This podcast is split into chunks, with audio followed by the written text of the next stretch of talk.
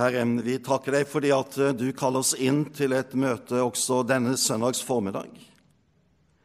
Og vi ber, Herre, om at eh, denne søndag må bli en åpenbaringssøndag, hvor du møter oss i ditt ord. Og vi ber, Herre, om at vi får hjerter og sinn som er innstilt på å høre hva du sier, og som har evne til å fange opp det som ditt ord åpenbarer for oss. Og jeg ber for meg at jeg får evnen til å bære det frem som du vil skal stige frem denne søndag. Amen. Prekenteksten på denne søndag er fra Matteusevangeliet kapittel 3, fra vers 13. Og den er oppe på teksten bak, og vi reiser oss.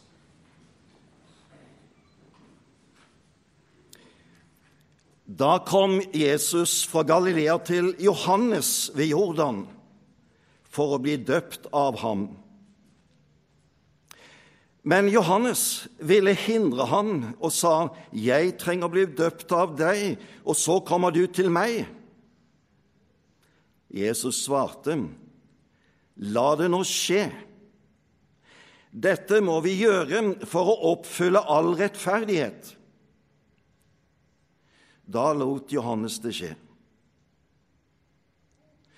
Da Jesus var blitt døpt, steg han straks opp av vannet, og se, himmelen åpnet seg, og han så Guds ånd komme ned over seg som en due. Og det lød en røst fra himmelen. Dette er min sønn, den elskede. I ham har jeg min glede. Hellig oss i sannheten. Ditt ord er sannhet. Amen.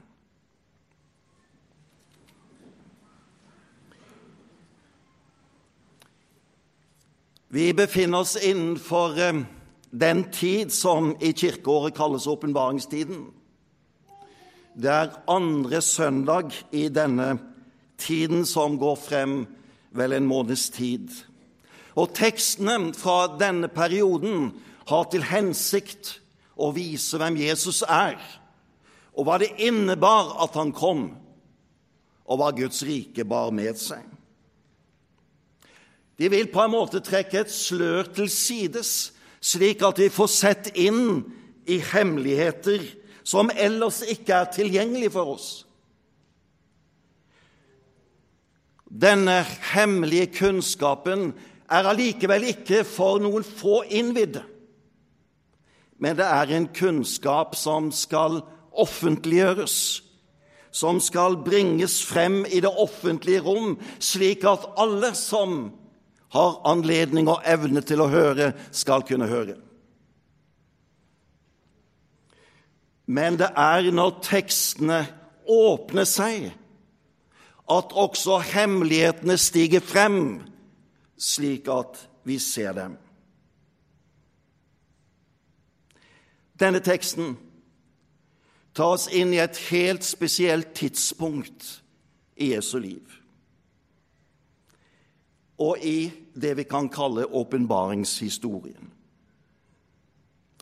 Siden Jesu fødsel og de viktige begivenhetene som vi har vært igjennom, og som vi har lest om i Bibelen, så har det vært forholdsvis stilt om Jesus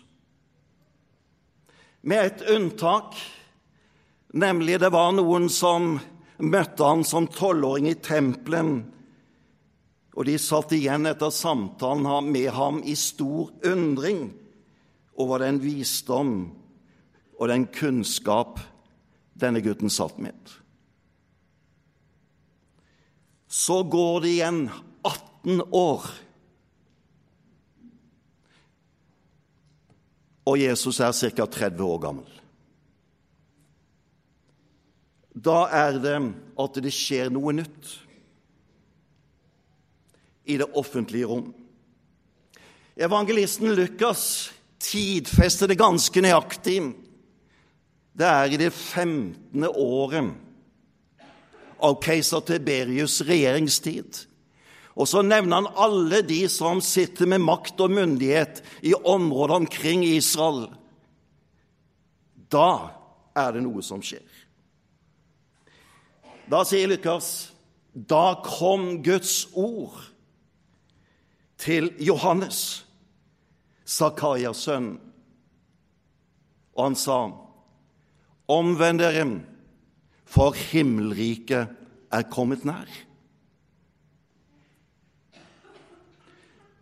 Døperen står frem som en oppfyllelse av Guds profetiske ord fra Det gamle testamentet, for han står frem som en som skal rydde vei.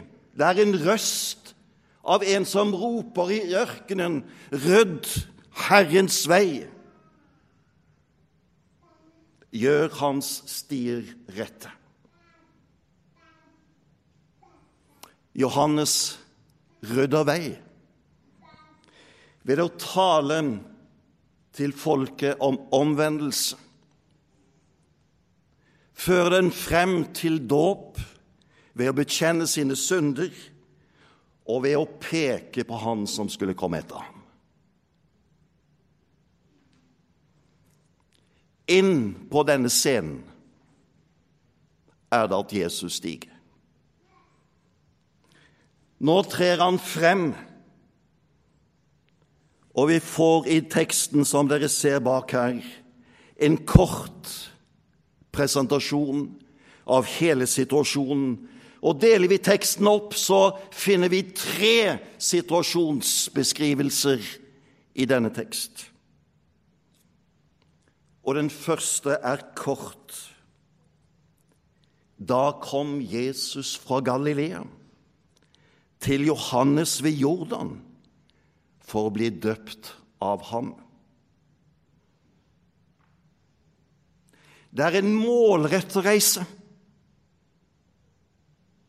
Og han beveger seg målrettet fra Galilean ned til det sted som Johannes har sitt virke, med det ene siktet å bli døpt av ham.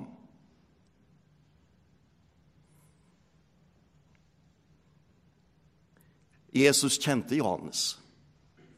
De var i slekt. Både Maria og Elisabeth, deres mødre, hadde gjemt på de ordene som de hadde fått høre i forbindelse med deres fødsler. Men han kommer ikke til Jordandalen for å ha et eller annet slektsstevne eller vel en ren tilfeldighet ved at han er på reise, og så plutselig er slektningen der nede, og så tar vi en tur ned og hilser på han. Nei, det er en målrettet handling med sikte på det som skal skje. Det er en form for stafettveksling som skal skje. Det er en tid som skal avsluttes, og en ny tid skal stige frem. Guds rike er kommet nær. Jesus er der. Timen er inne. Oppfyllelsens tid begynner.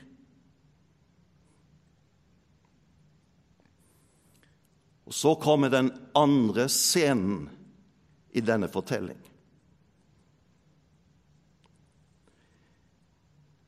Jesus vil bli døpt, og døperen vegrer seg. Hensikten med reisen ble motarbeidet av Johannes. Og det er forståelig at, nekt, at Johannes nekter å døpe han. Det hadde vært så mye enklere om Jesus hadde sagt ja, nå er jeg her, nå overtar jeg, slik at det går videre i det spor som er satt for mitt liv. Men nei. Jesus vil bli døpt. med synderens dåp, med omvendelsesdåpen. Og Johannes undrer seg fordi at han kjenner jo Jesus. Hvordan i all verden kan det skje at du skal døpes med den dåp som jeg nå har praktisert og forkynt? Hvis det er noen som skulle bli døpt, så måtte det jo være meg, og ikke deg. Det er motstand. Og Da er det at tekstens første hemmelighet stiger frem.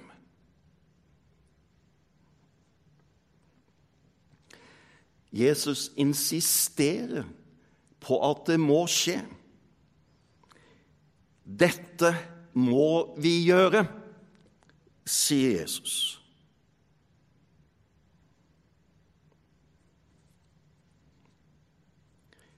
Dette uttrykket, som her er oversatt 'dette må vi gjøre', er et spesielt uttrykk. Som ellers brukes bare av Jesus i de øyeblikk det skal skje noe, hvor han møter en viss motstand, og det allikevel er slik at det skal skje, fordi at dette er etter Guds plan. La det skje, for det må skje. Det er Guds vilje. Det er slik Gud har lagt til rette for at mitt liv skal ta form. Her må jeg gå. Og du, Johannes, du må fullføre din tjeneste.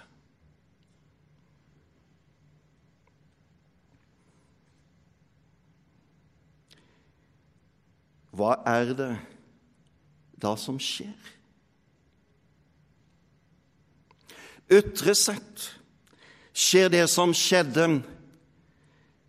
mange ganger da Johannes døpte.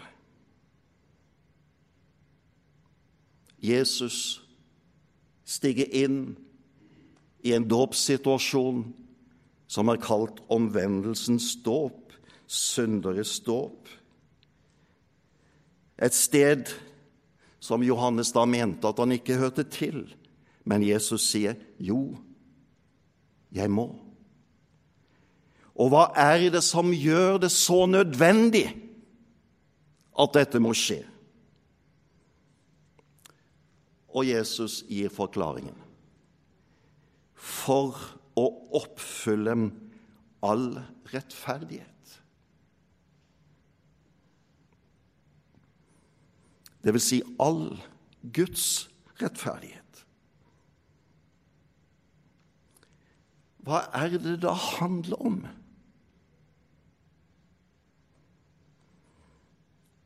Og Da skal vi legge merke til at når det gjelder Guds rettferdighet, så er det to sider ved Guds rettferdighet vi skal ha for oss. Når Gud i sin hellighet møter synden, så reagerer Gud med en rettferdig dom. Hans rettferdige dom over synden, over all urett, over alt det som skjer som er i strid med Guds vilje. Når Guds hellighet møter den livsformen så slår den ut i en rettferdig dom. Jesus stiger inn i synderes dåp og forene seg med synderne og sier det er nødvendig for å oppfylle all Guds rettferdighet. Det er nødvendig for meg å gå inn i denne situasjonen og bli ett med alle de som blir døpt av din dåp, og alle de mennesker som lever omkring, fordi at Guds rettferdige dom innebærer dommen over alle syndere. det går sammen med dem. Og når vannet lukker seg over hans hode, så er det et symbol på at dommens vann har lukket han inn i døden. Han oppfyller på en måte en straff som hviler over synden og synderen. Slik går Jesus inn ved syndernes side for å oppfylle Guds rettferdighet. Men det er en side til ved Guds rettferdighet.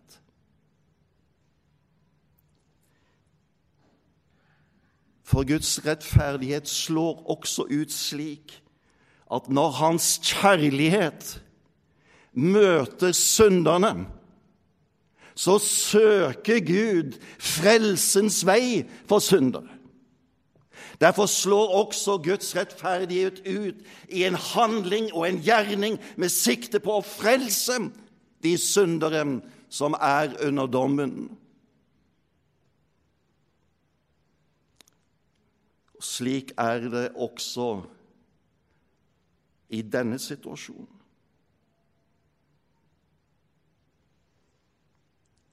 Når han står opp av domsvannet, åpner himmelen seg over ham. Det er en ny adgang som på en måte symboliseres i det som skjer.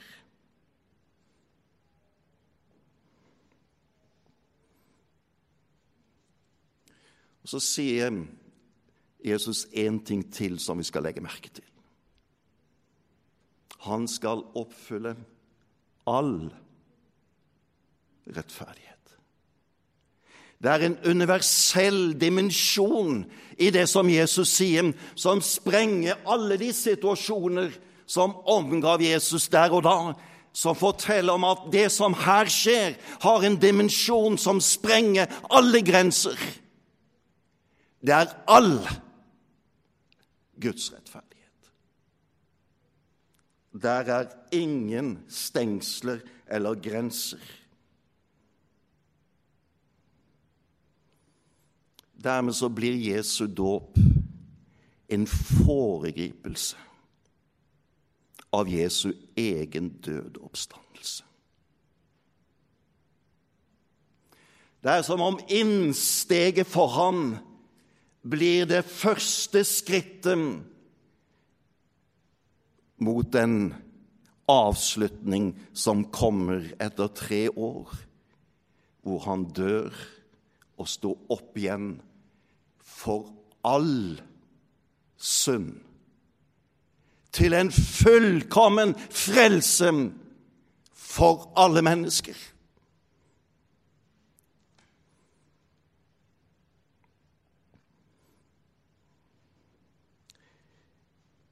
Det er en varsel om både hva som skal treffe Jesus, og det er et varsel om hvilken vidunderlig gjerning Jesus skal fullføre.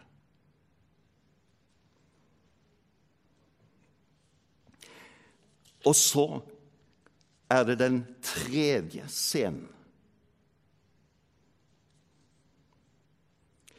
Som avslører Jesu enestående person. Det begynner med at himmelen åpner seg, og så er det en røst fra himmelen som sier Dette er min sønn, den elskede. I ham har jeg min glede.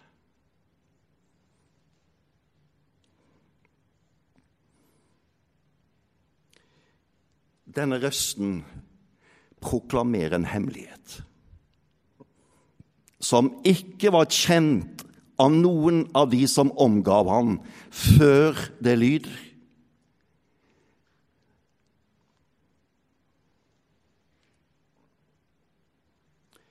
Det er Faderen selv som taler. Dette er min sønn. Og han sier det om mannen fra Nasaret, som er nå kommet ned fra Galilea til denne begivenhet.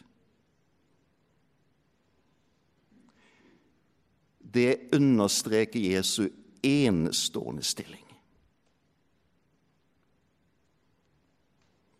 Og det stadfester de ord som også Maria hørte da hun møtte engelen, og hun kunne ikke forstå hvordan det skulle skje at hun skulle føde en sønn. Og så sier dem engelen, jo, det skal skje derved. Den hellige ånd skal komme over deg. Og den høyestes kraft skal overskygge deg. Derfor skal barnet som blir født, være hellig og kalles Guds sønn. Og når lyder fra himmelen, ifra Gud selv, dette er min sønn.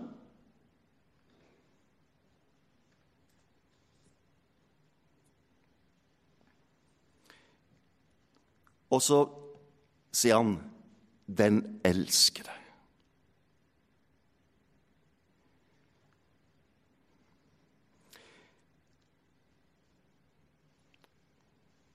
det er et uttrykk som er mer enn en stemning. Det er mer enn en sånn emosjonell opplevelse. Det er mer enn den kjærlighet som jevnt over vi omtaler når vi snakker om kjærlighet imellom oss.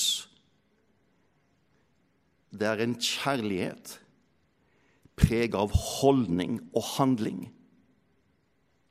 Det er en kjærlighet som stiger frem og blir synlig i den som elskes, slik at Guds kjærlighetsgjerninger stiger frem og åpenbarer seg i ham han elsker, nemlig Sønnen.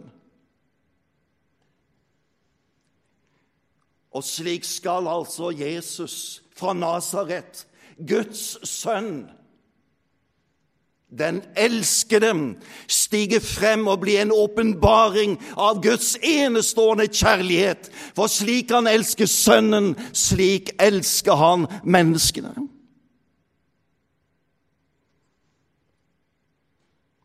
Og dette proklameres for at de skal høre dem. For her står vi overfor Han som er enestående, som bærer av min kjærlighet.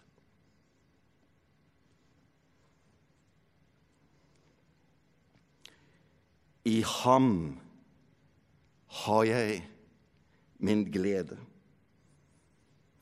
Også det er et uttrykk som er kjent for den som hadde lest de hellige skrifter og kjente språkbruken fra Det gamle testamentet, for det er en gjenklang fra en tekst i Jesajas-boken som er fra de tekstene i Jesajas-boken som kalles sangene om Herrens lidende tjener.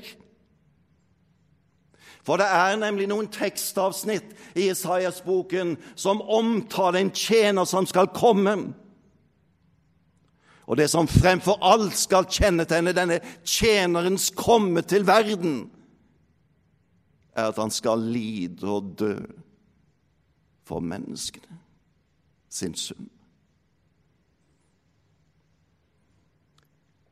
Så står det slik Så legger du merke til språkbruken, hvor sammenfallende den er.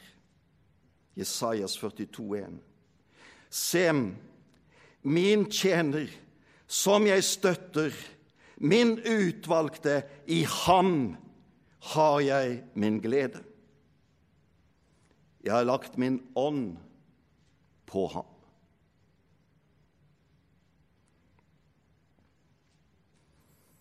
Og dermed så gis det et signal om at den elskede går inn i en tjeneste som fører ham til døden.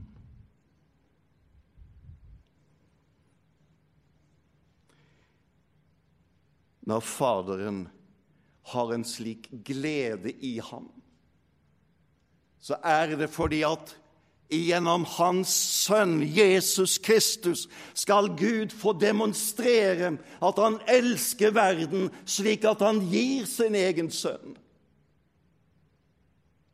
for at de skal bli frelst. Det er en kjærlighet som ofrer. Det er en kjærlighet som lider. Det er en kjærlighet som gir alt for menneskens frelse.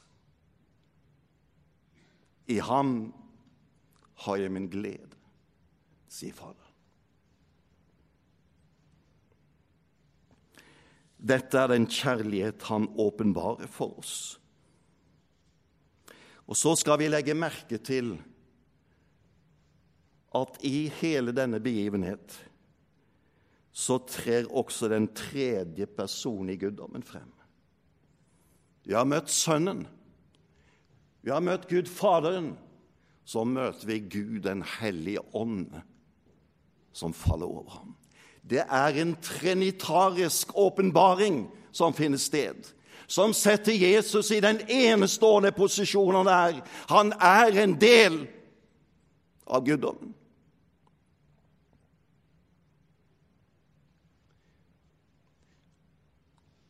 Så er de der alle i én gjerning for å bringe frelse til verden. Og Jesus er der ved innsteget til den offentlige gjerning som til slutt skulle føre han til korset, til døden, til avrettingen. Men hvor Gud reiser han opp igjen den tredje dagen til vår frelse. Det er fullbrakt. Han skal fullføre all Guds rettferdighet. Så står vi da i åpenbaringstiden med den enestående Kristus. Der finnes ingen som kan stilles opp ved hans side. Der finnes ingen i denne religionenes verden eller i denne livssynenes verden som kan ta hans plass. Han som er Guds sønn, den elskede, som Gud har glede i, og som fullfører Guds frelsesplan.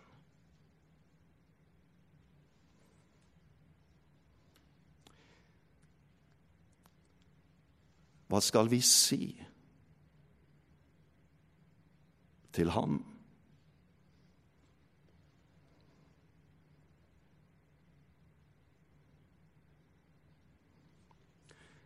Vi har lest en tekst i åpenbaringstiden for at vi skal se Kristus. Og det har vært min bønn om at min tunge og min forstand skulle gripes av Den hellige ånd, slik at ordet fikk tale med den dybden det har, slik at jeg kunne stå tilbake og si til min Gud Jeg vil takke deg. Jeg vil lovprise deg. Og jeg vil følge deg.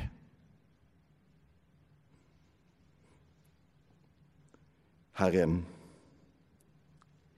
vi ber om at det må være vår hjertestrang. Du fortjener all vår takk og all vår tilbedelse. Og vi ber, Herre, om å få følge deg inn i den tid vi lever i, med åpenbaringen av deg. Amen.